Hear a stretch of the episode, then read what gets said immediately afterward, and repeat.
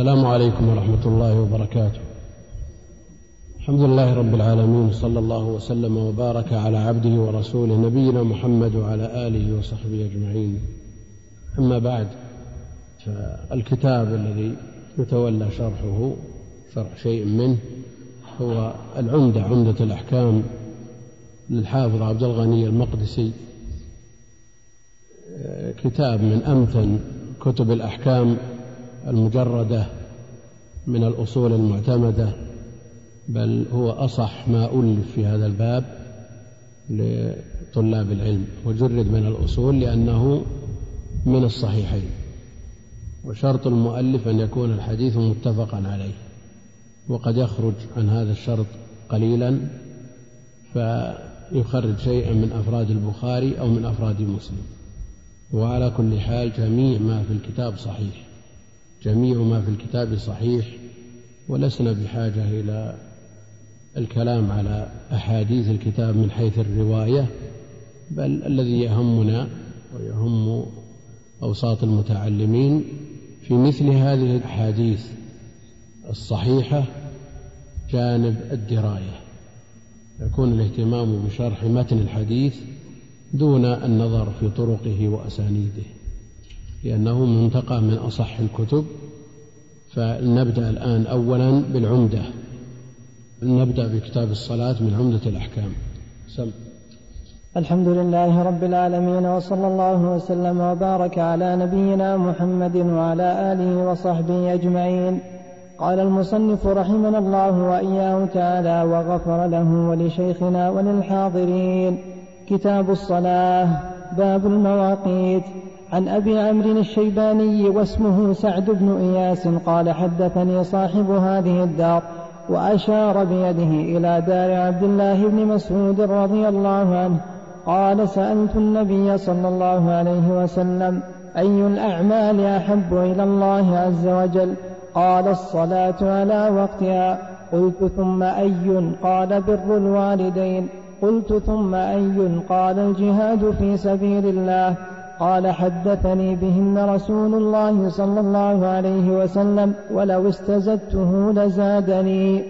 الحمد لله رب العالمين وصلى الله وسلم وبارك على عبده ورسوله نبينا محمد وعلى آله وصحبه أجمعين. يقول المؤلف رحمه الله تعالى كتاب الصلاة الكتاب مضى التعريف به مرارا في كتب مختلفة وفيها هذا الكتاب في كتاب الطهارة في موضع آخر.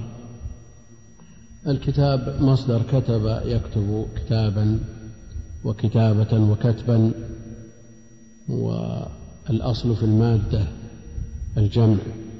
يقال تكتب بنو فلان إذا اجتمعوا قيل لجماعة الخيل كتيبة وهو من المصادر السيالة التي تحدث شيئا فشيء يعني لا تحدث دفعة واحدة.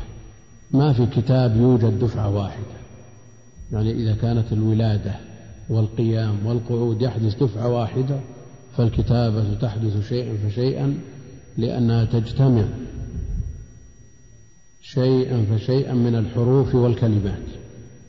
يقول الحريري وكاتبين وما خطت أناملهم حرفا ولا قرأوا ما خط في الكتب. ويقصد بذلك الخرازين لا يقرؤون ولا يكتبون لكنهم يجمعون بين صفائح الجلود فيخرزونها ويجمعون بينها والجمع كتابة. والمراد بذلك المكتوب اسم المفعول الجامع لمسائل هذه الفريضة العظيمة وهي الصلاة. والصلاة الركن الثاني من أركان الإسلام. عمود الإسلام الصلاة. من ترك الصلاة جاحدا لوجوبها كفر إجماعا. ومن تركها تهاونا وكسلا فالقول المفتى به أنه يكفر كفر مخرج عن الملة. العهد الذي بيننا وبينهم الصلاة فمن تركها فقد كفر. بين المرء والكفر ترك الصلاة أو قال الشرك. المقصود أن شأن الصلاة عظيم. أول ما تفقدون من دينكم الأمانة وآخر ما تفقدون من دينكم الصلاة. فمن فقد الصلاة فلا شيء أبقى من دينه أبدا. إذا كل شيء فقد آخره فقد انتهى. يقول المؤلف رحمه الله تعالى باب المواقيت. الباب في الأصل ما يدخل ويخرج منه. وهو في عرف أهل العلم في الحقيقة العرفية عند أهل العلم ما يضم فصولا ومسائل ضم فصول ومسائل غالبا. هذا الباب في الاصطلاح العرفي وهو حقيقة. لا نقول إن استعماله في المحسوسات حقيقة وفي المعقولات والمعنويات مجاز كما يقول من يثبت المجاز بل هو حقيقة عرفية عند أهل العلم. والحقائق كما تعلمون ثلاث لغوية وشرعية وعرفية. هذه حقيقة عرفية عند أهل العلم. تعارفوا على وضع كلمة باب لما يضم فصول ومسائل والباب هنا يضم أحاديث. الكتاب يضم أبواب وكل باب يضم أحاديث. الحديث الأول من أحاديث هذا الباب. يقول باب المواقيت المواقيت جمع ميقات والميقات هو الوقت بمعنى واحد والمراد به الوقت المحدد لأداء هذه الشعيرة بحيث لا يجوز أن تقدم عليه ولا يجوز أن تؤخر عنه إن الصلاة كانت على المؤمنين كتابا موقوتا كتابا يعني مكتوبا مفروضا موقوتا يعني في الأوقات في الأوقات المحددة التي جاءت النصوص الصحيحة بتحديدها ومن أشهر ما جاء في أحاديث المواقيت حديث جبريل حينما أما النبي عليه الصلاة والسلام في الصلوات الخمس في أول الوقت وفي آخره. في اليوم الأول صلى بالنبي عليه الصلاة والسلام في أول الوقت وفي اليوم الثاني صلى به في آخر الوقت. هذا من أشهر الأحاديث في المواقيت التي تجمع الأوقات الصلوات الخمس. ومن أشهرها أيضا حديث عبد الله بن عمرو في صحيح مسلم. في صحيح مسلم وهو متأخر عن حديث إمامة جبريل بحيث لو حصل التعارض بينهما كما سنعرضه إن شاء الله تعالى قدم حديث عبد الله بن عمرو وهو في الصحيح أيضا. وأما حديث إمامة جبريل في السنن. لم يخرج المؤلف حديث إمامة جبريل لأنه ليس على شرطه والأصل في شرطه أن يخرج ما اتفق عليه فلذا لم يخرج حديث عبد الله بن عمرو وهو من أجمع الأحاديث في المواقيت. يقول المؤلف رحمه الله تعالى عن أبي عمرو الشيباني واسمه سعد بن إياس سعد بن إياس الشيباني أبو عمرو مخضرم أدرك الجاهلية وعمر طويلا بحيث عاش مائة وعشرين عاما. واسمه سعد بن إياس قال حدثني صاحب هذه الدار وأشار بيده إلى دار عبد الله بن مسعود. فالإشارة التي لا تحتمل معنى آخر تقوم مقام العبارة. هو ما سمى من روى عنه.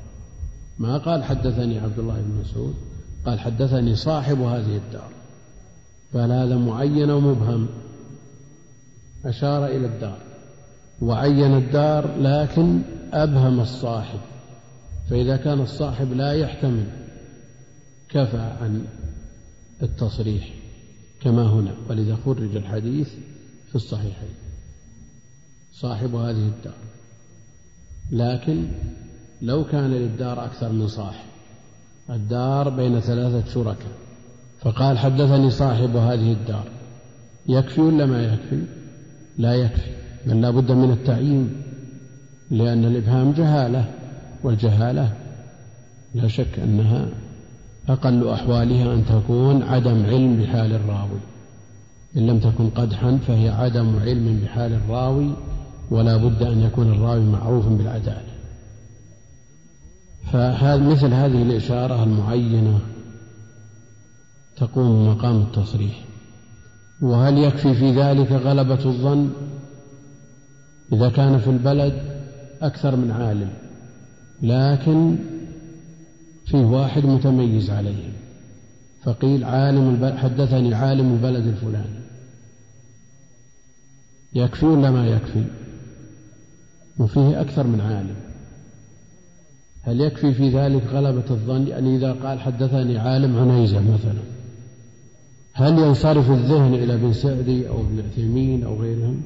أو أي عالم من علماء عنيزة من قبلهم ومن بعدهم؟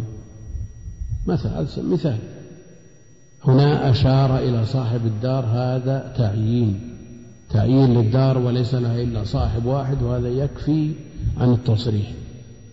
لكن إذا كان الاحتمال على حد سواء فلا يكفي البتة. كما تقول حدثني صاحب هذه الدار ولها أكثر من صاحب. ما يكفي.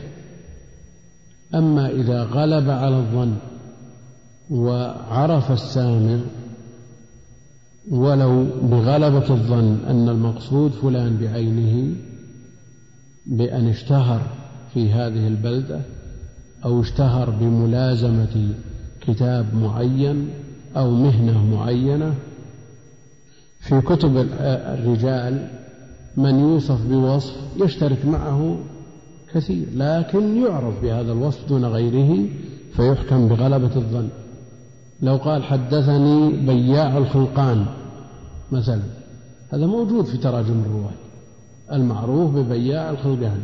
يعرفون الخلقان عرف به شخص بعينه يوجد من, من ينافسه في هذه المهنة لكن يغلب على الظن المراد به هذا ويكتفون به.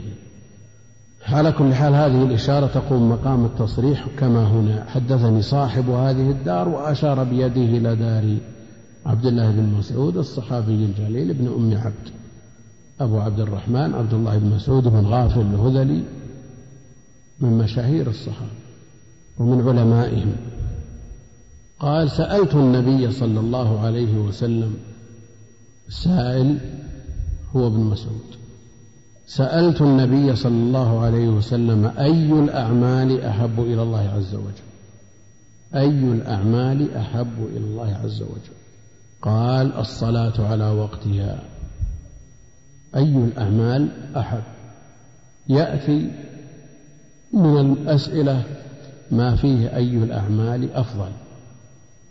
ويأتي أفعل التفضيل من غير سؤال. أفضل الأعمال كذا. وتجيء الأجوبة من النبي عليه الصلاة والسلام مختلفة. هنا الجواب قال الصلاة على وقتها. وفي بعضها يجيب النبي عليه الصلاة والسلام بالإيمان. وفي بعضها يجاب بغير هذين. فإما أن يقدر من فيكون من أحب الأعمال إلى الله الصلاة على وقتها من أحبها إلى الله الإيمان مع أنه أفضلها على الإطلاق بل هو شرط لصحتها كلها وقد يكون السائل غنيا باذلا فيقال له أحب الأعمال إلى الله البذل والإنفاق في سبيل الله وقد يكون شجاعا مقداما فيقال له أحب الأعمال إلى الله الجهاد في سبيل الله. وقد لا يكون صاحب مال وليس بقوي في بدنه لكن لديه تميز في ذكائه وفطنته وفهمه وحفظه فيقال أفضل الأعمال وأحب الأعمال إلى الله طلب العلم الشرعي. فكل شخص يجاب بما يناسبه. ولذا تعددت أجوبة النبي عليه الصلاة والسلام والسؤال واحد. فإما أن يقدر من فيكون المجاب به من أفضل الأعمال وإما أن يقال أن الجواب يختلف باختلاف أحوال السائلين. أي الأعمال أحب إلى الله عز وجل؟ أحب أفعل تفضيل؟ تشترك الأعمال المذكورة في كونها محبوبة عند الله جل وعلا ويزيد بعضها على بعض في هذا الوصف. إلى الله عز وجل عز وجل العرف يخص هذين الفعلين بالله جل وعلا. فلا يقال محمد عز وجل وإن كان عزيزا جليلا فضلا عن غيره. إلى الله عز وجل قال هذا الجواب الصلاة على وقتها. الصلاة على وقتها. وجاء في بعض الروايات الصلاة لوقتها. المقصود أن الصلاة أداء الصلاة في وقتها هو أفضل الأعمال. طيب ماذا عن الصلاة قبل وقتها وبعد وقتها؟ الصلاة قبل وقتها لا تصح لأن دخول الوقت شرط. دخول الوقت شرط لصحة الصلاة. اللهم إلا إذا كانت مجموعة جمع تقديم فلا بأس. الصلاة على وقتها. وماذا عن الصلاة بعد وقتها؟ إذا كان معذورا وأخر الصلاة حتى خرج وقتها كما سيأتي في شغل النبي عليه الصلاة والسلام حينما شغله الكفار عن صلاة العصر حتى غربت الشمس هذا معذور. لكن إذا تعمد تأخير الصلاة عن وقتها. قبل وقتها لا تصح وبعد وقتها يرى جمع من أهل العلم أنها كما لو أديت قبل وقتها لا تصح. ولذا لا يؤمر بقضائه بل حكم بعضهم بكفره. كفر من تعمد تأخير الصلاة عن وقتها ويقول أبدا الصلاة غير صحيحة ووجودها مثل عدمها كما لو صلاها قبل الوقت. وهذا أفتى به بعضهم ونقل عليه ابن حزم الإجماع. لكن هذه من المسائل النادرة التي نقل الإجماع على النقيضين فيها. نقل غيره وجوب القضاء الإجماع على وجوب القضاء قضاء الصلاة بالنسبة لمن تعمد تأخيرها حتى خرج وقتها وعلى كل حال عامة أهل العلم على أن من أخر الصلاة حتى خرج وقتها متعمدا فقد ارتكب إثما عظيما وموبقة من الموبقات لكنه لا يكفر ويجب عليه أن يقضيها. وتداول تداول الناس فتوى عن إمام من أئمة المسلمين بالنسبة لمن يوقت الساعة على الدوام يعني بعد خروج الوقت قت الساعة على الساعة السابعة. فإذا انتبه من نومه صلى الصبح وذهب إلى دوامه أمر خطير أمر عظيم جدا والفتوى فيه قوية. لكن عامة أهل العلم على أنه لا يكفر نعم وإن أتى موبقة من الموبقات يخشى عليه من أن يخرج من دينه كما قال في هذا بعض أهل العلم. الصلاة على وقتها قلت ثم أي أي بالتنوين. كذا قال بعضهم وجزم آخرون بأنها لا تنون لماذا؟ لأن المضاف إليه منوي. ثم أي يعني ثم أي الأعمال بعد ذلك فلا تنون قلت ثم أي قال بر الوالدين. بر الوالدين. الوالدان هما سبب وجود الولد. هما السبب في وجوده وهما من أعظم الخلق منة على المولود وحقهما من أعظم الحقوق بعد حق الله تعالى والعقوق كبيرة من كبائر الذنوب وجاء فيه من نصوص الوعيد ما جاء. حتى جاء فليعمل العاق ما شاء فلن يدخل الجنة. والرحمة لا تنزل على قاطع رحم. فضلا عن عاق. وإذا تقاطع المسلمان وتهاجرا لا ترفع لهما الأعمال حتى يصطلحا فكيف بمن عق والديه؟ وإذا كان التأفيف كلمة من حرفين هما أخف الحروف حرام. ومنصوص عليه بالقرآن فكيف بما دونه؟ فلينتبه الولد عموما وطالب العلم على وجه الخصوص من هذه الموبقة. نسأل الله السلامة والعافية. يلاحظ على بعض طلاب العلم أنه من أيسر الأمور أن يحضر صاحبه يضرب البوري أو الجرس يجده جاهز متأهب قبل الحضور ينتظر صاحبه ويخرج معه ويذهب إلى أي مكان يريده. لكن إذا قالت الأم أريد أن أذهب إلى المكان الفلاني أو إلى أختك الفلانية أو خالتك أو كذا تبرم. وقال هو مشغول وهو بصدد تحصيل علم أو بعمل صالح كل هذا لا يوجد هذا أهم. إذا كان الجهاد لإعلاء كلمة الله جل وعلا لا يجوز إلا باستئذان الوالدين فكيف بغيره؟ فلينتبه طالب العلم لهذا. قلت ثم أي قال الجهاد في سبيل الله؟ فدل على أن بر الوالدين مقدم على الجهاد في سبيل الله. على الجهاد في سبيل الله ولأهل العلم. تفصيلات في هذا. إذا كان الجهاد متعينا فله حكم وإذا كان هناك من يقوم به ومن فروض الكفايات له حكم. على كل حال هذه الخصال المذكورة هي من أحب الأعمال إلى الله وهي من أوجبها على المسلمين. قال حدثني بهن رسول الله صلى الله عليه وسلم تأكيد هذا أنه لم ينقل ذلك بالواسطة عن النبي عليه الصلاة والسلام بل تلقاهما تلقاها مباشرة من النبي عليه الصلاة والسلام يقول ولو استزدته لزادني ولو استزدته من الخصال لزادني. قلت ثم أي؟ قلت ثم أي؟ قلت إلى آخره.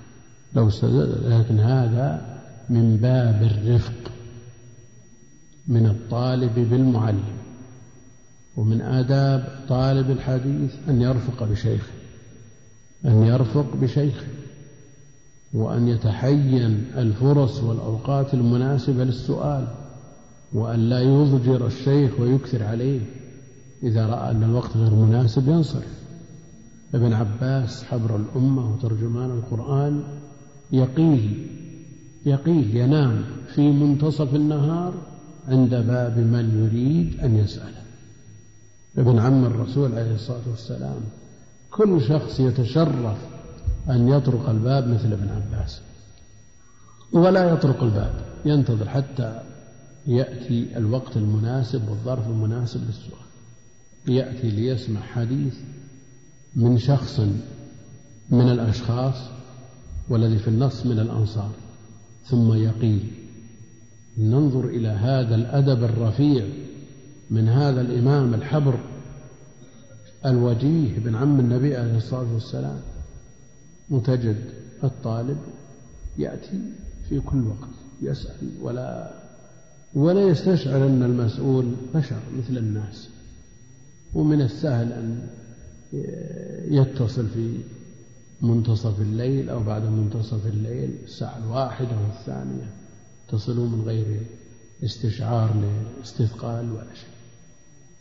فعلى طالب العلم أن لا يضجر شيخه لأن الشيخ بشر في يوم من الأيام يقول لك يعطيك كلام لا يرضيك يغضب مثل ما يغضب الناس ويرضى كما يرضون وله ظروفه وعليه ضغوط مثل ما على غيره. فعلى كل حال على طالب العلم أن يرفق بالشيخ كما أن الشيخ عليه أن يهتم بطلابه وأن يليهم عنايته وأن يرحب بهم فهم وصية النبي عليه الصلاة والسلام. فالطالب طالب والشيخ مطالب. والله المستعان. سم. عفى الله عنك. وعن عائشة رضي الله عنها قالت لقد كان رسول الله صلى الله عليه وسلم يصلي الفجر فيشهد معه نساء من المؤمنات متلفعات بمروطهن ثم يرجعن إلى بيوتهن ما يعرفهن أحد من الغلس. عندك متن قال ما هو من المتن؟ تفسير المروط والغلس؟ لا. لا لا. من المتن. من المتن. عندك نقط هذا هذا الموجود. عفى الله عنك. المروط أكسية معلمة تكون من خز وتكون من صوف ومتلفعات متلحفات. والغلس اختلاط ضياء الصبح بظلمة الليل. يقول المؤلف رحمه الله تعالى في الحديث الثاني وعن عائشة رضي الله عنها قالت لقد كان رسول الله صلى الله عليه وسلم يصلي الفجر والصيغة تدل على الاستمرار. يصلي الفجر فيشهد معه نساء من المؤمنات متلفعات متلفعات أو متلفعات. نعم. نعم. وصف للنساء أو حال. نعم. هل هي وصف أو حال؟ نعم.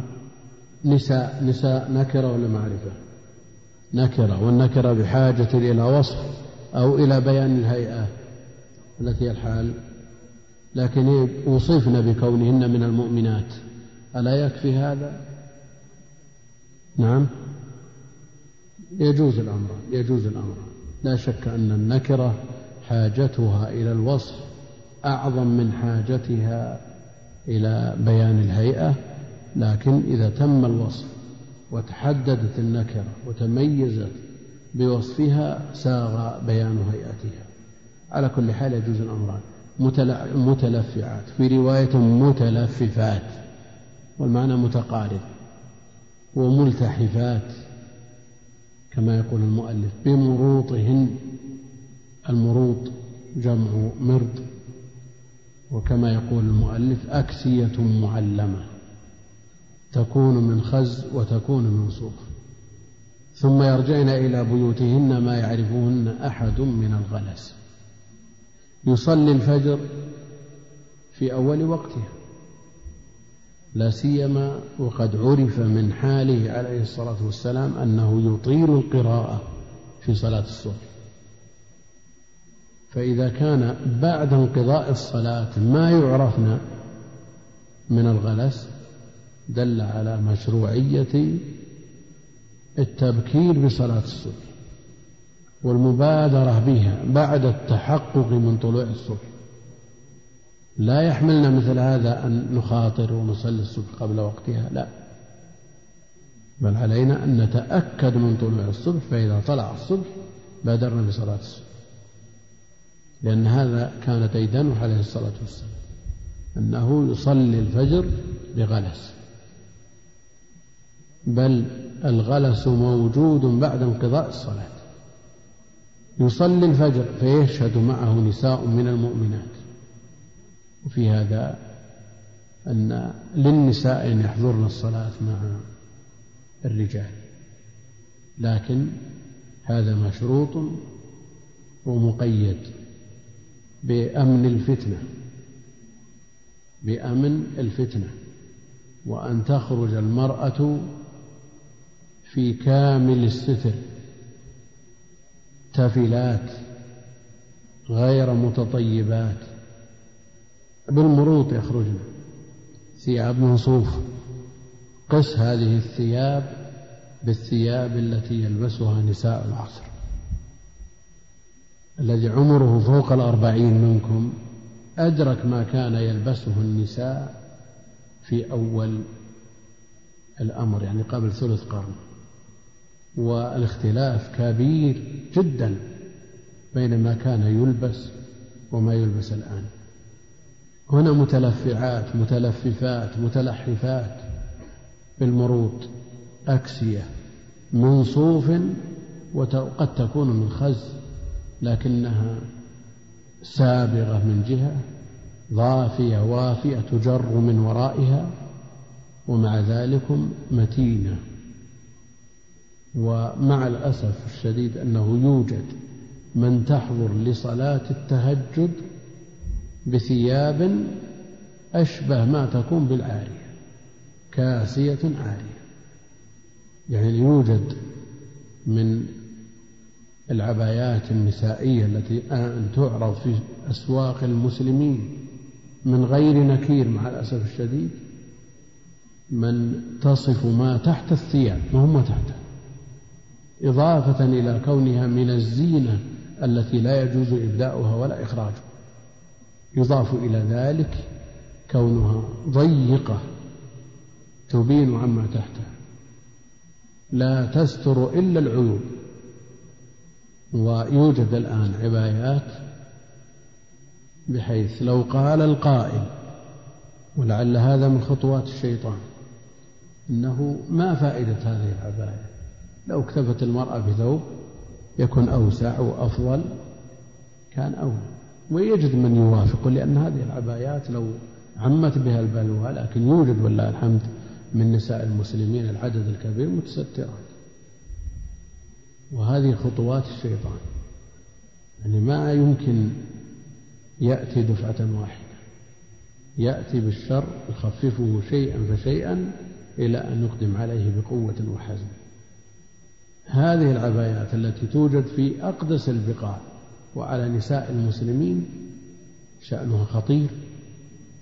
يعني لو نادى مناد بإلقاء هذه العباية لأنها شر وفتنة وجد من يؤيد حتى من الأخيار لأنها يعني مناظر كريهة مقلقة. يقول مثل ما في البلدان الأخرى تلبس ثوبا واسع وهذه خطوة من خطوات الشيطان بحيث إذا هذا الثوب الواسع ضيقته فيما بعد وقال ما له داعي بعد الثوب. هذه خطوات الشيطان وقد نهينا عن اتباع خطواته. وهذه أعمال المنافقين بل هي من أوائل وظائف إبليس. ينزع عنهما إيش؟ لباسهما. ليبدي لهما ما وري عنهما من سوآتهم هذه وظيفة من وظائف إبليس الأولى وهي وظيفة أتباعه إلى قيام الساعة. في آية الأحزاب قل لأزواجك وبناتك ونساء المؤمنين يدنين عليهن من جلابيبهن ذلك أدنى أن يعرفن فلا يؤذين. إلى أن قال لئن لم ينته المنافقون والارتباط بين الآيتين وثيق. المنافقون هم الذين يدعون إلى طرح الجلباب وإلقائه. يصلي الفجر فيشهد معه نساء من المؤمنات. هذا لا تمنع إماء الله بيوت الله. يعني ليس من حق الزوج أن يمنع زوجته مع أمن الفتنة من شهود الصلاة مع الجماعة. لكن لا بد أن تؤمن الفتنة ولا بد أن تخرج على وضع شرعي كاملة الستر غير متطيبة ويوجد من يحضر إلى صلاة التهجد مع السائق الأجنبي. تناقض تناقض والله تناقض. فهل يظن بمثل هذه والقلوب؟ بيد الله والنوايا لا يعرفها إلا علام الغيوب. لكن غلبة الظن توحي بأن هذه أرادت أن تخرج مع الناس. شافت الجيران يطلعون قالت أطلع. لكن الذي يرجو الله والدار الآخرة يرتكب محرم ليؤدي سنة هذا لا يكون أبدا. قد يقول قائل الجهة منفكة. الجهة منفكة. لها أجر حضورها الصلاة ولا عليها وزر ركوبها مع السائق بدون محرم. فالجهة منفكة. قل يا أخي قد لا يكون المطلوب شيء بالنسبة للمحظور.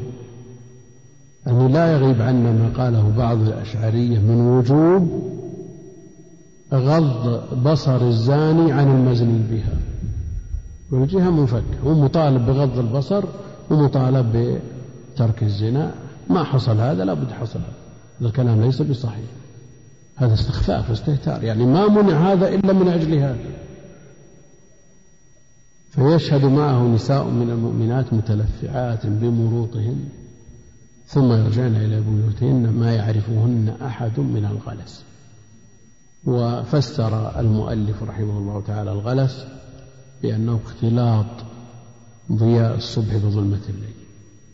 فالغلس والدلس والغبش ألفاظ متقاربة يعني عدم الوضوح في الرؤية.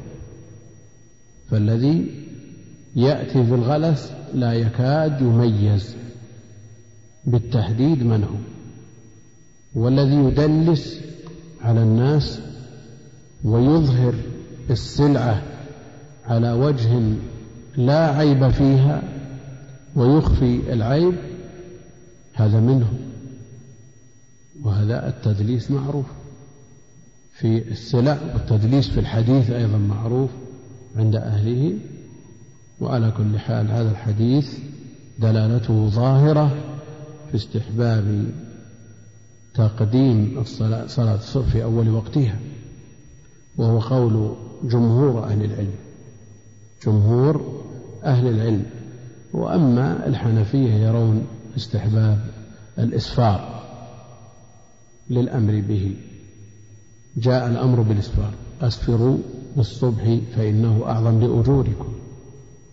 وهذا الخبر متكلم فيه لكن على فرض ثبوته المراد بالإسفار تحقق طلوع الصبح. التحقق من طلوع الصبح بأن لا يكون آه، الصبح هل طلع أو ما طلع لا. تأكد من طلوع الصبح ثم صلي صلاة الصبح. نعم. عفى الله عنك. وعن جابر بن عبد الله رضي الله عنه قال كان النبي صلى الله عليه وسلم يصلي الظهر بالهاجرة والعصر والشمس نقية والمغرب إذا وجبت والعشاء أحيانا وأحيانا. إذا رآه مجتمع عجل وإذا رآهم أبطأوا أخر والصبح كان النبي صلى الله عليه وسلم يصليها بغلس. الهاجرة ما فسرت عندك؟ مؤلف ما فسرها. هذه ما فيها شيء. سبحان الله. قال رحمه الله الهاجرة هي شدة الحر بعد الزوال. هذا الإشكال في الطبعات الجديدة. الأخيرة بعضها يفوت على بعض المحققين شيء من من الكتاب. فطالب العلم عليه أن يعنى بالطبعات القديمة لأن الذي تولى الطباعة والتصحيح علماء الذي تولى الطباعة والتصحيح علماء وكان الهدف والله أعلم بالمقاصد من نشر الكتب في أول الأمر نشر العلم. ثم بدأ يخف الأمر حتى صار القصد التجارة. التجارة. في, الكتب المطبوعة قديما سواء منها الكبار أو الصغار في الغالب متقنة لأن الذي تولى الطبع علماء. أما الآن يوجد في بعض المطابع الآن التي هي من أشهر المطابع وأكثر المطابع نشر وتوزيع على بمئات الألوف من النسخ. يوجد آه، من يطبع كتب المسلمين من غير المسلمين بل من شباب كثير منهم ضايع. وبدون شاشات يطبعون بس الله المستعان. كيف يطلع يطلع الكتاب؟ كيف يخرج الكتاب بهذه الكيفية؟ إذا كان الخطأ في عنوان الكتاب في عنوان الكتاب الأصلي كيف تثق بكتاب من هذه الطباعة؟ نعم. جزء القراءة خلف الإمام. هذا كتاب للإمام البخاري رحمه الله. مكتوب عنوان الكتاب جزء القراءة خلف الصلاة. إذا كان عنوان الكتاب خطأ كيف تثق بمحتوى الكتاب؟ والآن مر علينا في حديثين إسقاط. فيعنى اللهم إلا إذا كان المحقق معروف بجودته ودقته وتحريه ووقف على نسخ لم يقف عليها من طبعة الطبعة الأولى لا بأس. والعصر الذي نعيشه عصر سرعة. الشخص الذي عنده معرفة وخبرة ودربة ما عنده استعداد يقضي الأوقات آه، للنظر في حركة في حرف في فاصلة في كذا لا. بل صار بعض المشاهير الكبار يكتفون بمجرد وضع الاسم. يجعلون هناك ورش يسمونها ورش التحقيق يجمعون فيها من الشباب ومن من رخص أجره يعني من رخص أجر أجرته. يحشدون فيها الجموع يحققون ينشرون يضع اسمه في النهاية. فمشكلة الآن لما دخلت النيات صار الإنسان يتحرى ويتثبت. على كل حال في الحديث الثالث يقول المؤلف رحمه الله تعالى وعن جابر رضي الله عنهما قال كان النبي صلى الله عليه وسلم يصلي الظهر بالهاجرة. الهاجرة شرحها المؤلف أنها شدة الحر بعد الزوال. وسميت بذلك لأن العمل يهجر فيه يترك العمل لشدة الحر. كان النبي صلى الله عليه وسلم يصلي الظهر بالهاجرة يعني بعد الزوال. والهاجرة الأصل فيها شدة الحر فالعمل يهجر يعني يترك لشدة الحر. فصارت تطلق على الوقت الذي يقع بعد الزوال. مطلقا. فيعم ما بعد الزوال في جميع الفصول. فالحديث فيه دليل على المبادرة بصلاة الظهر في الجملة. لكن يبقى أنه خص منه ما دل عليه حديث الإبراد. إذا اشتد الحر فأبردوا. قد يقول قائل أن دخول شدة الحر في هذا العموم قطعي. ثم أنا في هذا ولا نزيد تفصيل. الآن النص يقول يصلي الظهر بالهاجرة. وعرفنا أن الهاجرة هي شدة الحر التي تكون بعد الزوال. وكونه يصلي الظهر في الهاجرة يعني أنه يصلي الظهر بعد زوال الشمس مباشرة. طيب الهاجر شدة الحر. وجاء إذا اشتد الحر فأبرد. فإن شدة الحر من جهنم. إذا قلنا أن الحديث بعمومه إذا نزلنا الهاجرة ما بعد الزوال مطلقا يعني سواء كانت في الصيف أو في الشتاء أو في الربيع أو في الخريف صارت الهاجرة تعبير عما بعد الزوال مباشرة. فما العمل في هذا الحديث مع حديث الأمر بالإبراد؟ هل نقول أن هذا عام في الفصول كلها وحديث الإبراد خاص بما إذا اشتد الحر؟ نقول دخول فصل الصيف في حديث الباب دخول قطعي. دخول قطعي. كيف دخول قطعي؟ لأن التسمية إنما جاءت لما بعد الزوال في فصل الصيف. فهل قوله عليه الصلاة والسلام إذا اشتد الحر فأبردوا ناسخ لهذا أو مخصص له؟ يعني هل هو رافع رفع كلي للحكم بحيث إذا اشتد الحر نبرد وإذا كنا في فصل آخر غير فصل الصيف نعجل بصلاة الظهر كما يقتضي هذا الحديث بعمومه؟ لأن الهاجرة صارت تساوي ما بعد الزوال مباشرة. ولا شك أن دخول فصل الصيف في هذا الحديث دخول قطعي لأن الأصل في الهاجرة شدة الحر. نعم. مخصص لكن الآن عموم الحديث دلالته على المبادرة بصلاة الظهر في شدة الحر دلالة قطعية.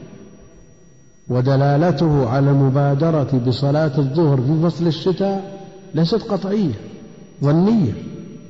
فكيف نرفع بالمخصص الدلالة القطعية ونترك الظنية؟ أو يبقى هذا للمبادرة في صلاة الظهر في الهاجرة في الحر ويكون الحديث الثاني ناسخ.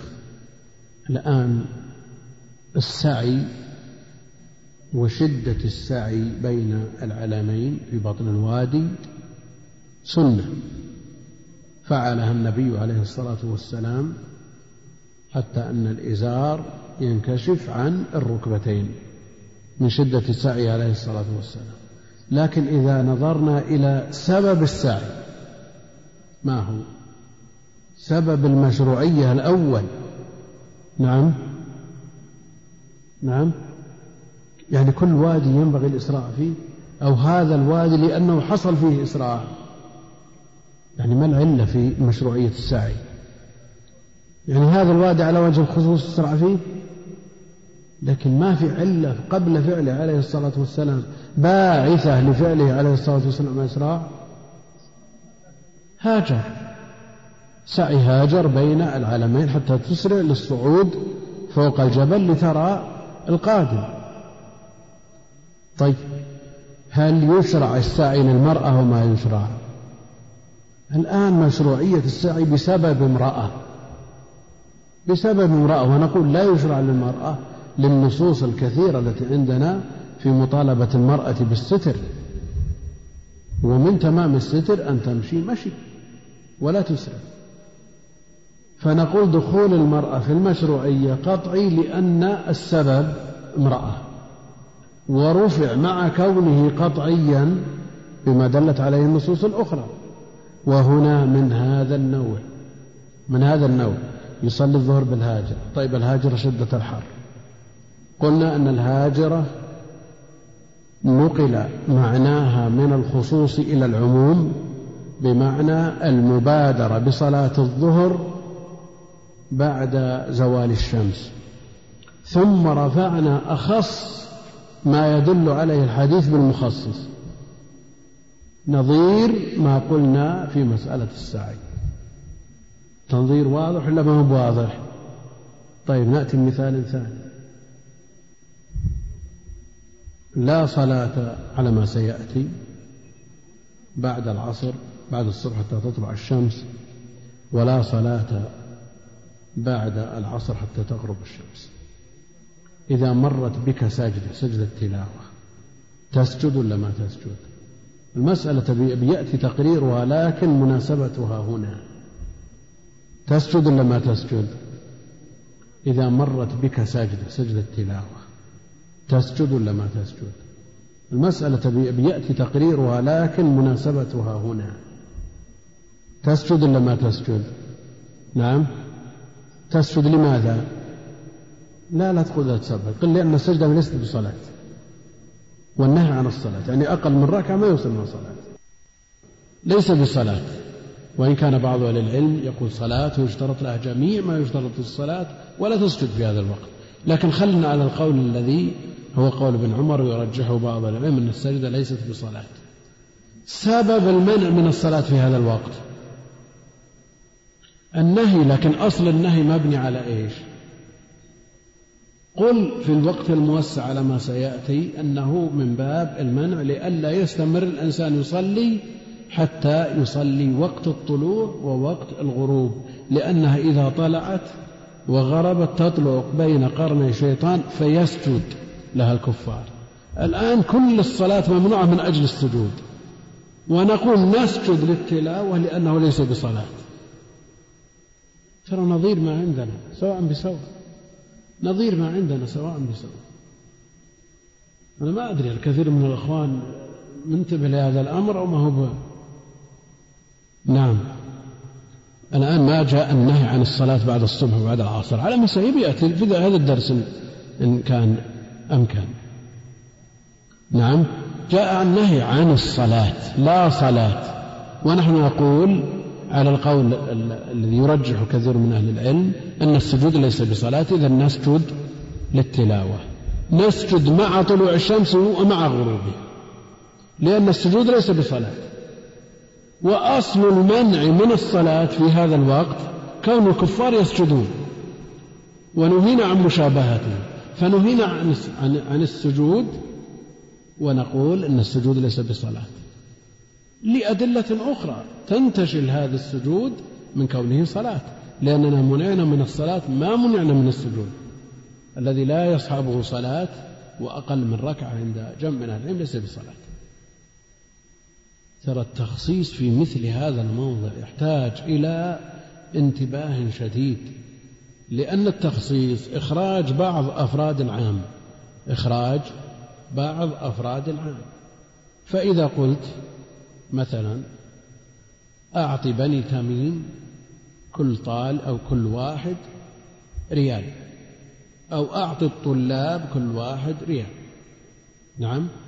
ثم بعد ذلك تقول نعم لا تعطي. أو لو قال مثلا لا تعطي بني تميم ثم قال بعد ذلك أعطي الحفاظ منهم. أعطي الحفاظ منهم. هذا مخصص. أخرج أفراد العام الذين لا يتناولهم الوصف وأدخل من يتناوله الوصف الخاص وهو الحفاظ منهم. طيب إذا أردت أن تخرج حافظ من هؤلاء الحفاظ الذي تناوله الوصف الخاص. نعم بوصف آخر. أعط الحفاظ منهم ثم تستثني بعد ذلك من الحفاظ. نعم من يتناوله وصف آخر. لو مثلا قيل لا تعطي بني تميم. نعم. ثم قيل أعط الحفاظ منهم. ثم قيل لا تعطي من الحفاظ من أخواله هذيل مثلا. وهو حافظ. أنت بتخرج النص الخاص بما هو أخص منه. نعم هنا عندنا وصف خاص.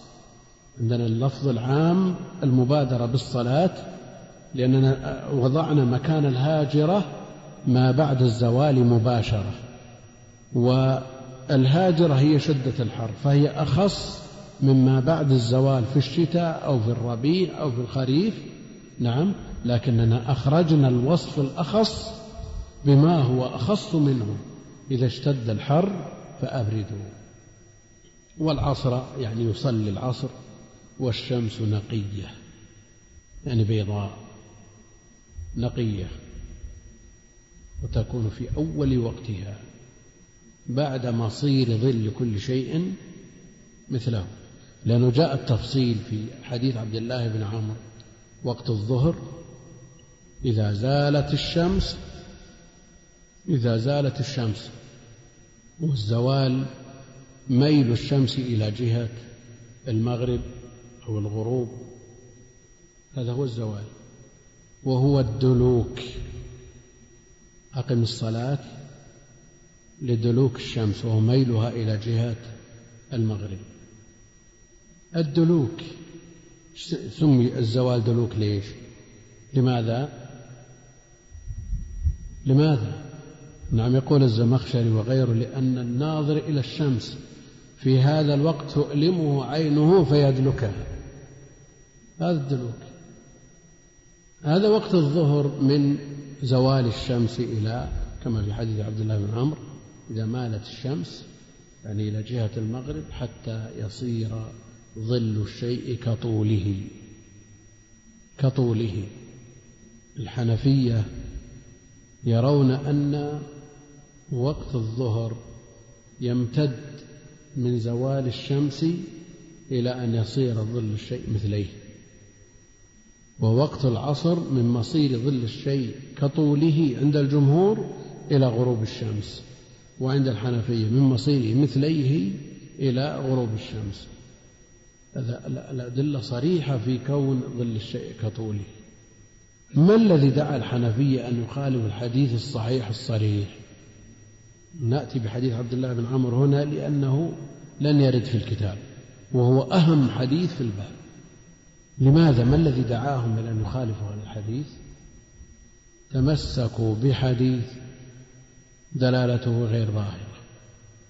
إنما مثلكم ومثل من قبلكم كمثل رجل استأجر أجيرا من أول النهار إلى منتصفه بدينار ثم استأجر أجيرا من منتصف النهار إلى وقت العصر بدينار ثم استأجر أجيرا من وقت العصر إلى غروب الشمس بدينارين. فقال اليهود والنصارى نعم اليهود هم الذين عملوا في النصف الأول والنصارى هم الذين عملوا في وقت الظهر والمسلمون هم الذين عملوا من وقت العصر إلى غروب الشمس. فقال اليهود والنصارى نحن أكثر عملا وأقل أجرا. نحن أكثر عملا وأقل أجرا. قالوا مقتضى ذلك أن يكون وقت الظهر أطول من وقت العصر. لأن وقت النصارى وقت الظهر وقت المسلمين وقت العصر. وقالوا نحن أكثر عملا. فيقتضي ذلك أن وقت الظهر أطول من وقت العصر. طيب. كلامهم صحيح ولا غير صحيح؟ يعني على قول الجمهور إلى مصير الظل الشيء كطوله. أولا من أجاب من أهل العلم بأنهم قالوا مجتمعين. اليهود والنصارى معهم من أول النهار إلى وقت العصر أطول بلا شك. واليهود وقتهم أطول من وقت المسلمين لا إشكال في هذا. لكن الإشكال في وقت النصارى هل هم أطول أو أقل؟ يعني على القول بقول الحنفية وقت النصارى أطول. لكن على قول الجمهور هل يكون وقت النصارى أطول من وقت المسلمين أو لا؟ نعم. كيف؟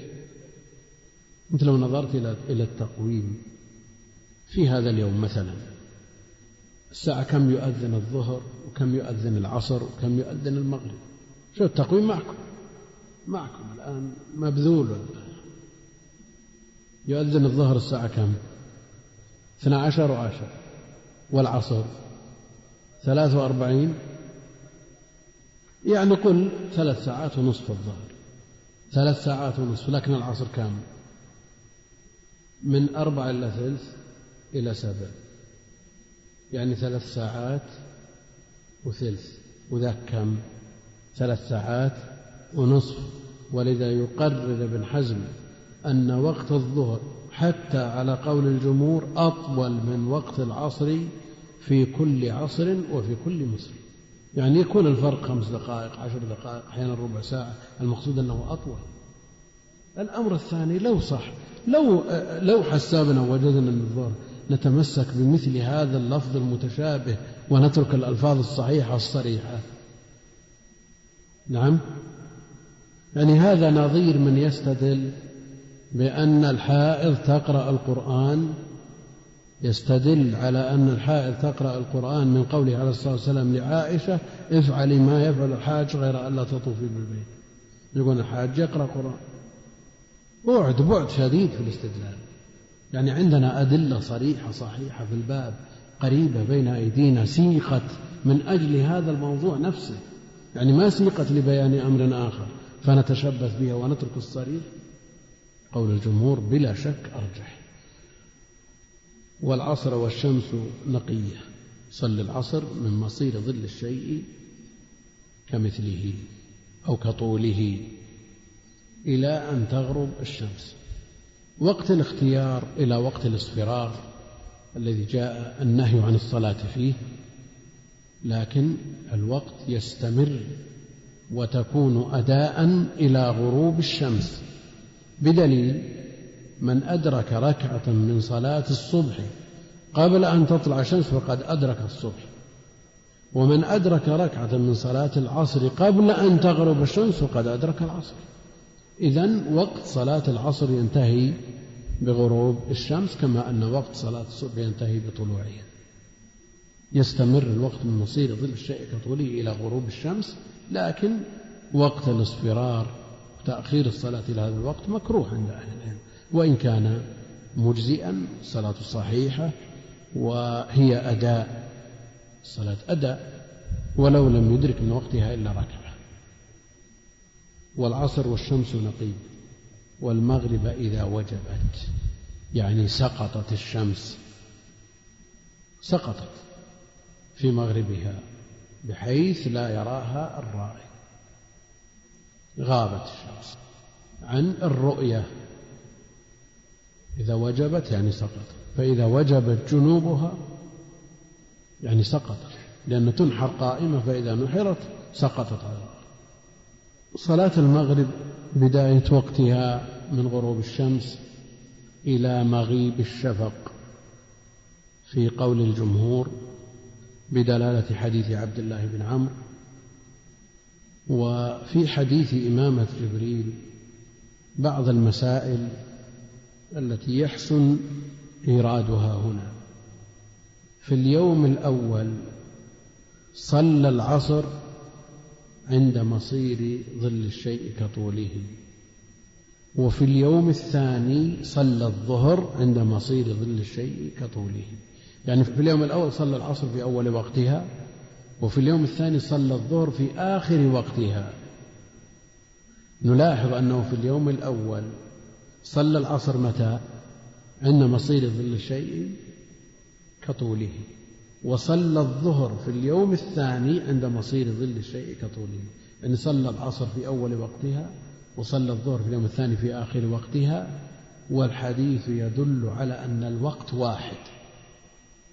الذي صلى فيه العصر بالأمس هو الذي صلى فيه الظهر باليوم. وبهذا يقول المالكية أن هناك وقت مشترك بين الصلاتين. يصلح لأداء أربع ركعات هي الظهر وهي العصر. أداء. هذا الوقت المشترك. لكنه في حديث عبد الله بن عمرو يقول ووقت صلاة الظهر إذا زالت الشمس إلى مصير ظل الشيء كطوله ما لم يحضر وقت العصر. ما لم يحضر وقت العصر. إذا ماذا نصنع بحديث الإمام الجبريل؟ لا بد أن نجعله موافقا لحديث عبد الله بن عمرو وهو صحيح صريح في المواقيت وهو متأخر وهو أيضا أصح مخرج في مسلم. طيب ماذا نصنع؟ لا بد أن نقول أنه صلى انتهى انتهى من صلاة الظهر عند مصير ظل الشيء كطوله انتهى من صلاة الظهر.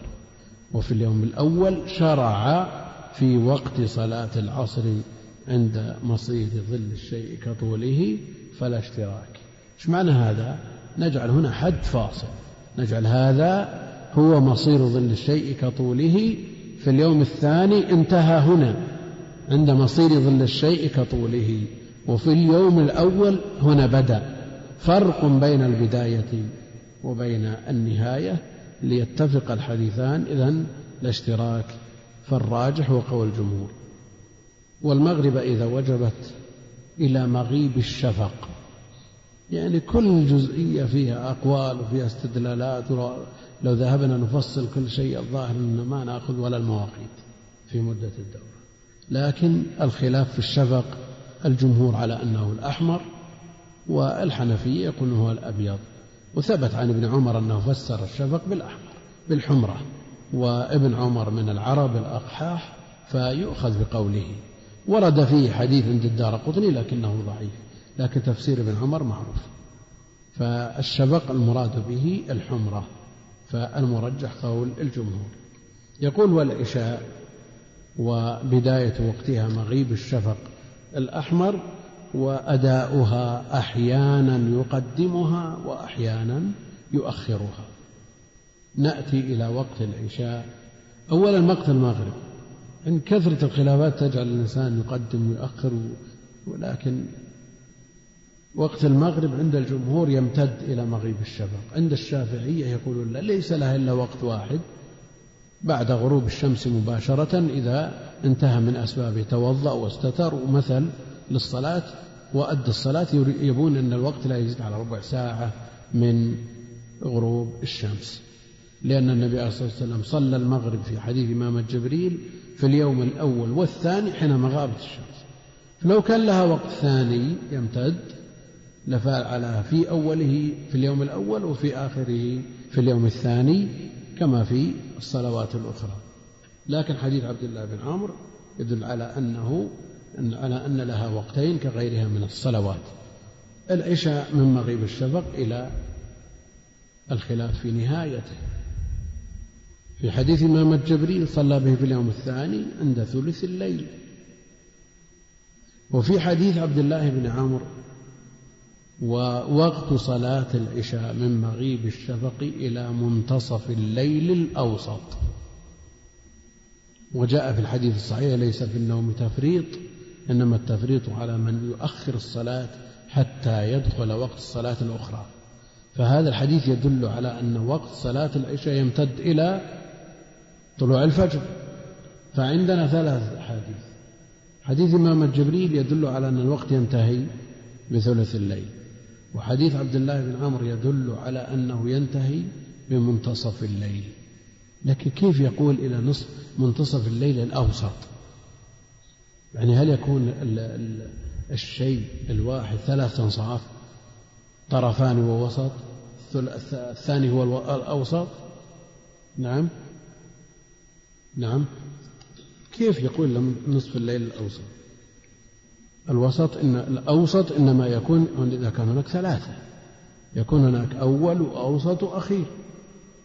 صح ولا لا؟ إذا كيف يقول إلى منتصف الليل الأوسط؟ ها؟ نعم. صفة لليل يعني إلى منتصف الليل الواقع في وسطه. إلى منتصف الليل الواقع في وسطه. وهذا وصف كاشف حقيقة. قد لا يحتاج إليه لكنه تصريح بما هو مجرد توضيح. الواقع في وسط الليل. طيب منتصف الليل. قد نقول لهذه فائدة. منتصف الليل الأوسط. لأن الليل يختلف.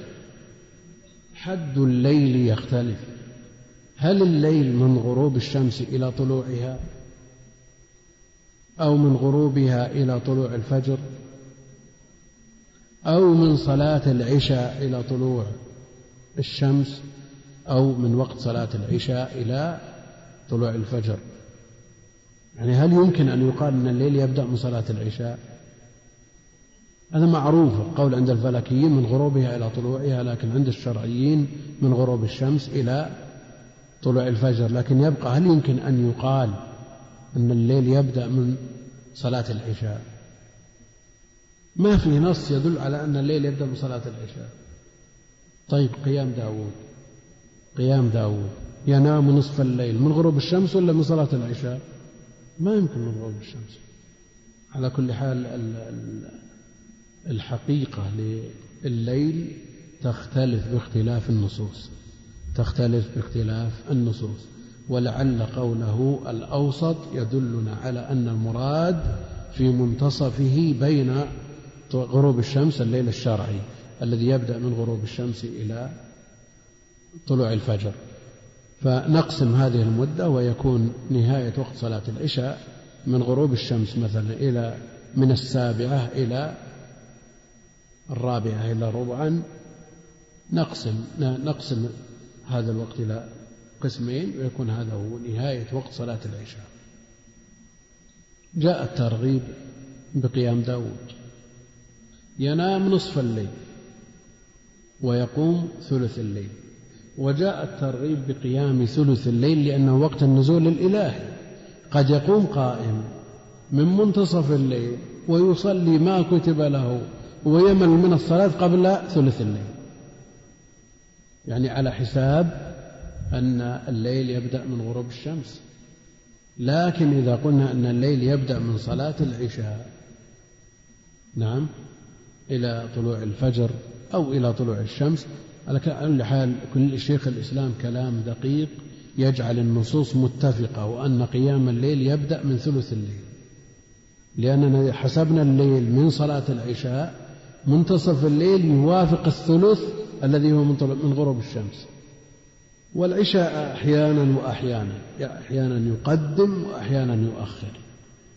لهذا تشهي رغبة هو يرفق بالمأمومين ويصبر أحوالهم. إذا رآهم اجتمعوا عجل لئلا يشق عليهم بالتأخير وإذا رآهم أبطأوا أخر. ليلاحظه ليدرك الناس هذه الصلاة مع الجميع. وتعرفون الأنظمة الآن تلزم الأئمة بالصلاة في وقت محدد. ولا شك أن المصلحة مراعاة في مثل هذا. لما كان الناس على هوى واحد ونفسهم واحد ويدورون مع الدين حيثما وجههم توجهوا يمكن أن يقال لهم يؤخرون شو المانع لكن الآن لو يتأخر الإمام خمس دقائق عن العادة وقع الناس في محرمات بل قد يترك بعضهم الصلاة. على كل حال ملاحظة المؤمنين أمر مطلوب. والصبح كان النبي عليه الصلاة والسلام يصليها بغلس على ما تقدم. نعم. عفى الله عنك. وعن أبي المنهال سيار بن سلامة قال دخلت أنا وأبي على أبي برزة الأسلمي رضي الله عنه فقال له أبي كيف كان رسول الله صلى الله عليه وسلم يصلي المكتوبة؟ فقال كان يصلي الهجير التي تدعونها الأولى حين تدحض الشمس ويصلي العصر ثم يرجع أحدنا إلى رحله في أقصى المدينة والشمس حية ونسيت ما قال في المغرب. وكان يستحب أن يؤخر من العشاء التي تدعونها العتمة وكان يكره النوم قبلها والحديث بعدها وكان ينفتل من صلاة الغداة حين يعرف الرجل جليسه ويقرأ بالستين إلى المئة. نعم يقول المؤلف رحمه الله تعالى عن أبي المنهال سيار بن سلامة قال دخلت أنا وأبي دخلت أنا وأبي. لماذا لم يقل دخلت وأبي؟ لماذا؟ قال دخلت أنا. أنا إعرابها إيش؟ ضمير فصل لا محل له من الإعراب. ضمير فصل لا محل له من الإعراب. يؤتى به لمجرد الفصل بين الضمير المتصل وما عطف عليه ولا بد من الفصل. إذا كان الضمير ضمير رفع متصل لا بد من وردنا أن نعطف عليه لا بد من الفصل. إما بضمير الفصل أو بأي فاصل ما. وإن على ضمير رفع متصل عطفت فافصل بالضمير المنفصل أو فاصل ما وبلا فصل يرد. في النظم فاشيا وضعفه اعتقد دخلت أنا وأبي على أبي برزة الأسلمي الصحابي الجليل. فقال له أبي كيف كان النبي صلى الله عليه وسلم يصلي المكتوبة؟ كيف كان النبي صلى الله عليه وسلم يصلي المكتوبة؟ كأنه يسأل عن وقتها فأجيب بذلك. لا يسأل عن كيفيتها كيفية أدائها وعن صفتها إنما يصلي يسأل إنما يسأل عن أوقاتها. فهم الصحابي ذلك فأجابه فقال كان يصلي الهجير التي تدعونها الأولى يعني الظهر. الظهر هي الصلاة الأولى. لماذا؟ لأن جبريل أول ما صلى بالنبي عليه الصلاة والسلام صلاة الظهر فعرفت بالصلاة الأولى التي تدعونها الأولى حين تدحض الشمس يعني تميل وتزول تميل إلى جهة المغرب وتزول. ويصلي العصر يعني في أول وقتها ثم يرجع أحدنا إلى إلى رحله في أقصى المدينة والشمس حية. شمس حية بيضاء نقية. وفي هذا ما يدل لمذهب الجمهور وأن صلاة العصر يبدأ وقتها من مصير ظل الشيء كطوله. والشمس حية بيضاء نقية. ونسيت ما قال في المغرب وقد نسي ما سمعه وما حضره مع النبي عليه الصلاة والسلام لكنه مضبوط من جهة آخرين فصلاة المغرب كما تقدم يبدأ وقتها من غروب الشمس إلى مغيب الشفق وكان يستحب أن يؤخر من العشاء التي تدعونها العتبة وقد جاء النبي عليه الصلاة والسلام دخل المسجد وهم ينتظرون العشاء حتى كانت تخفق رؤوسهم من النعاس فقال إنه لوقتها لولا أن أشق عليكم يعني في الثلث الأول في ثلث الليل. لولا المشقة لكان تأخيرها إلى الثلث أفضل آه، وكان يؤخر من العشاء التي تدعونها العتمة. وقد جاء النهي عن تسمية العشاء العتمة. النهي عن مشابهة الأعراب. لا تغلبنكم الأعراب على اسم صلاتكم فجاء النهي عن ذلك فلا تسمى العشاء العتمة. لكن قد يقول قائل إنه جاء أعتم النبي عليه الصلاة والسلام بصلاة العشاء وجاء في النصوص ما يدل على إطلاق العتمة كهذا. على كل حال كونها لا تسمى إلا العتمة ويغلب عليها هذا الاسم بحيث ينسى اسمها الأصلي هذا هو المنهي عنه. وما جاء في مثل هذا يدل على الجواز أحيانا وأن النهي لمجرد الكراهة. وكان يستحب أن يؤخر من العشاء التي تدعونها العتمة وكان يكره النوم قبلها يكره النوم قبل صلاة العشاء لئلا يسترسل في نومه فتفوته الصلاة إما مع الجماعة أو في وقتها. المقصود أنه لا يعرض صلاته للخطر. فإذا خشي على صلاته أن تفوته ومثل هذا الكلام يوجه إلى الموظفين الذين يأتون إلى بيوتهم قبيل صلاة العصر. لا ينامون قبل الصلاة فيعرضوا صلاتهم للفوات وكان يكره النوم قبلها والحديث بعدها. يعني بعد صلاة العشاء السهر مكروه. السهر بعد صلاة العشاء مكروه. لكن إذا كان على خير إذا كان في علم أو في أمر من أمور المسلمين العامة فلا شك في استحبابه وأنه مطلوب. وقد سمر النبي عليه الصلاة والسلام مع بعض أصحابه وترجم عليه الإمام البخاري رحمه الله تعالى في باب السمر في العلم من كتاب العلم. وعلى كل حال الناس ابتلوا الآن بالسهر ولا يستثنى من ذلك إلا القليل النادر حتى بعض من ينتسب إلى العلم يسهر بل يوجد من يسهر إلى الصبح.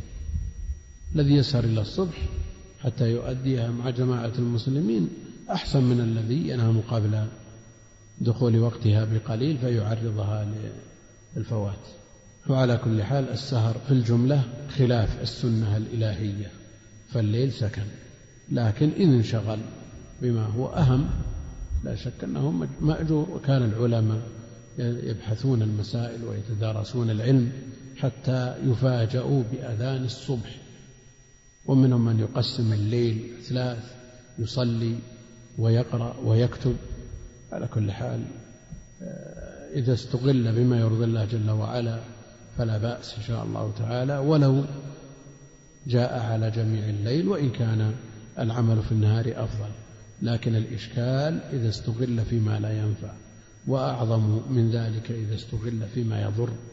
وكان ينفتل من صلاة الغداة حين يعرف الرجل جليسه. حين يعرف الرجل جليسه. هناك ما يعرفنا. شو الفرق؟ هناك ما يعرفنا من الغلس وهنا يعرف جليسه. فرق واضح نعم. نعم هذا جنبه جليسه. وأولئك النساء بعيدات عن الرجال. ما يعرفنا. حين يعرف الرجل جليسه وكان يقرأ بالستين إلى المئة. بالستين إلى المئة من الآيات. بالستين إلى المئة من المائدة أو من الشعراء.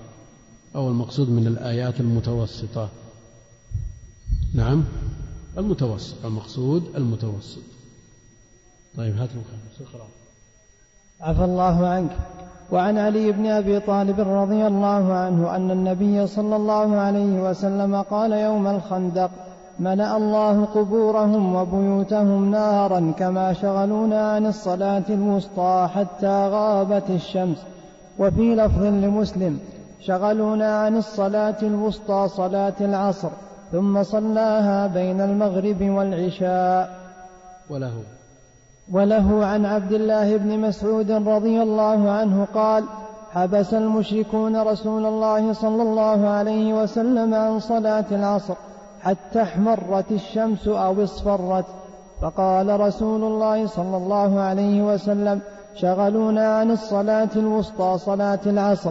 ملأ الله أجوافهم وقبورهم نارا أو حشى الله أجوافهم وقبورهم نارا.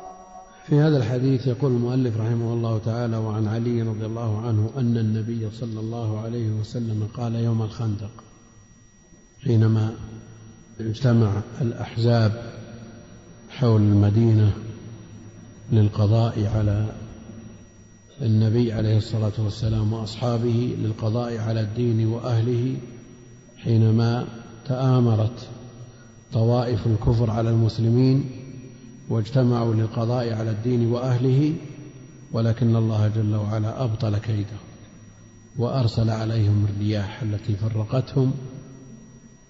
قال يوم الخندق ملأ الله قبورهم وبيوتهم. الضمير يعود على على الكفار. ملأ الله قبورهم وعاد الضمير على غير مذكور للعلم به. فإذا كان مرجع الضمير لا يشك فيه ولا يقع في لبس ولا يوقع في لبس جاز حذفه. ملأ الله قبورهم وبيوتهم نارا كما شغلون عن الصلاة الوسطى حتى غابت الشمس. الصلاة الوسطى في قوله جل وعلا حافظوا على الصلوات والصلاة الوسطى وجاء ذكرها في الأحاديث الصحيحة يختلف أهل العلم فيها. عائشة رضي الله عنها أمرت أن يكتب حافظوا على الصلاة الصلوات والصلاة الوسطى صلاة العصر.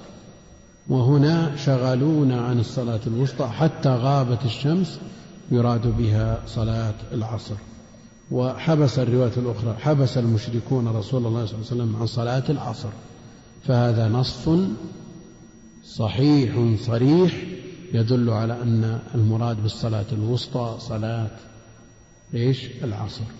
والخلاف معروف بين أهل العلم فمن قال هي صلاة العصر وهم الأكثر وهو القول الراجح استدل بمثل هذه النصوص. منهم من قال الصلاة الوسطى صلاة المغرب. صلاة المغرب. كيف تأتي صلاة المغرب؟ يقول قبلها صلاتان نهاريتان وبعدها صلاتان ليليتان باعتبار أن الفجر تقع في الليل الذي هو الظلام. وهي أيضا وسطى بالنسبة لعدد ركعاتها وسطى بين الثنائية والرباعية فهي ثلاثية. ومنهم من يقول الصلاة الوسطى الظهر ومنهم من يقول صلاة الصبح ولكل أدلته لكن القول المرجح في المراد بالصلاة الوسطى أنها صلاة العصر كما هنا. ملأ الله قبورهم وبيوتهم نارا كما شغلون عن الصلاة الوسطى وفي هذا الدعاء على عموم الكفار كما شغلون عن الصلاة الوسطى حتى غابت الشمس. حتى غابت الشمس. قد يقول قائل لماذا لم يصلي النبي عليه الصلاة والسلام؟ هذه الصلاة صلاة الخوف في وقتها. يصلي الصلاة العصر في وقتها صلاة الخوف ومعلوم أن جمهور السير أهل السير يرون أن غزوة ذات الرقاع قبل غزوة الخندق قبل غزوة الخندق. فلماذا لم يصليها صلاة الخوف؟ في وقتها. نعم. أحدكم يجاوب هذاكم كيف؟ نعم. من أهل العلم من يقول أن صلاة الخوف لا تشرع في الحضر ويستدل بمثل هذا لا سيما أن جمهور أهل السير على أن غزوة ذات الرقاع التي صلى فيها النبي عليه الصلاة والسلام صلاة الخوف كانت قبل الخندق في الرابعة. قول آخر الإمام البخاري ويرجحه ابن القيم يذهب الإمام البخاري وهو الراجح ابن القيم إلى أن غزوة الخندق قبل غزوة ذات الرقاع قبل غزوة ذات الرقاع فعلى هذا تكون الصلاتنا المؤخرة إلى أن خرج وقتها قبل مشروعية صلاة الخوف. فلا إشكال. هو الذي يرجحه البخاري لأنه وضع الخندق في الترتيب قبل غزوة ذات الرقاع في صحيحه. وهذا ما يميل إليه ابن القيم ويرون مشروعية صلاة الخوف في الحضر والسفر. وفي لفظ لمسلم شغالون عن الصلاة الوسطى صلاة العصر ثم صلاها بين المغرب والعشاء. صلى العصر بين المغرب والعشاء. يجب قضاء الفوائد فورا ويجب الترتيب. ولا يسقط الترتيب عند أهل العلم إلا بنسيانه أو بخشية فوات وقت اختيار الحاضرة عندهم. لكن هنا صلاها بين المغرب والعشاء. هل صلاها بين صلاتي المغرب والعشاء أو بين وقتي المغرب والعشاء؟ نعم. في حديث جابر فصلى العصر بعدما غربت الشمس ثم صلى بعدها المغرب. هذا يدل على أن المراد بقوله ثم صلاها بين المغرب والعشاء يعني بين وقتي المغرب والعشاء. صلاها يعني بعد غروب الشمس ثم صلى بعدها المغرب ثم العشاء. وله الضمير هذا يعود لمن؟ لمسلم. وله عن عبد الله بن مسعود قال حبس المشركون رسول الله صلى الله عليه وسلم عن صلاة العصر حتى احمرت الشمس أو اصفرت. فقال رسول الله صلى الله عليه وسلم شغلونا عن الصلاة الوسطى صلاة العصر. هناك صلاها بين المغرب والعشاء يعني حتى غربت الشمس كما في الرواية الأولى. وهنا يقول شغلون عن الصلاة الوسطى صلاة العصر إلى متى؟ حتى احمرت الشمس أو اصفرت معناه أنه يمكنه أن يصليها في وقتها. فهل أخرها إلى غروب الشمس كما تدل له الرواية السابقة أو صلاها حين احمرت الشمس أو اصفرت؟ الأول يعني أخرها إلى غربت الشمس قبل غروب الشمس. إذا الروايات الأخرى الأولى التي تقول صلاها بين المغرب والعشاء الآن روايات في بين اختلاف ولا ما بين اختلاف؟ يعني هل نقول أن مثل هذا الوقت وقت النهي المغلظ الشديد لا تصلى فيه الفريضة كما يقول الحنفية مثلا؟ ولذلك أخرها حتى صلاها بين المغرب والعشاء. نعم. لا لا لا هذه هذه شغلوهم حتى احمرت الشمس واصفرت. وهناك حتى غابت الشمس. نعم. نعم. الخندق يوم واحد ولا أيام؟ نعم. أيام.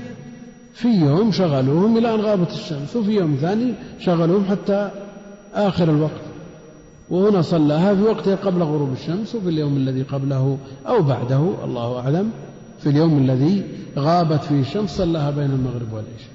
فالخندق أيام وليس بيوم واحد. حبس المشركون رسول الله صلى الله عليه وسلم عن صلاة العصر حتى احمرت الشمس أو اصفرت. فقال رسول الله صلى الله عليه وسلم شغلونا عن الصلاة الوسطى صلاة العصر. ملأ الله أجوافهم وقبورهم نارا أو حشى الله أجوافهم وقبورهم نارا. من من ينتسب إلى العلم في هذه الأوقات يقول لا تدعو على الكفار ادعو لهم بالهداية. ولا تقل يذل فيه أهل المعصية. هم حال كونهم أهل معصية ندعو عليهم بأن يذلوا.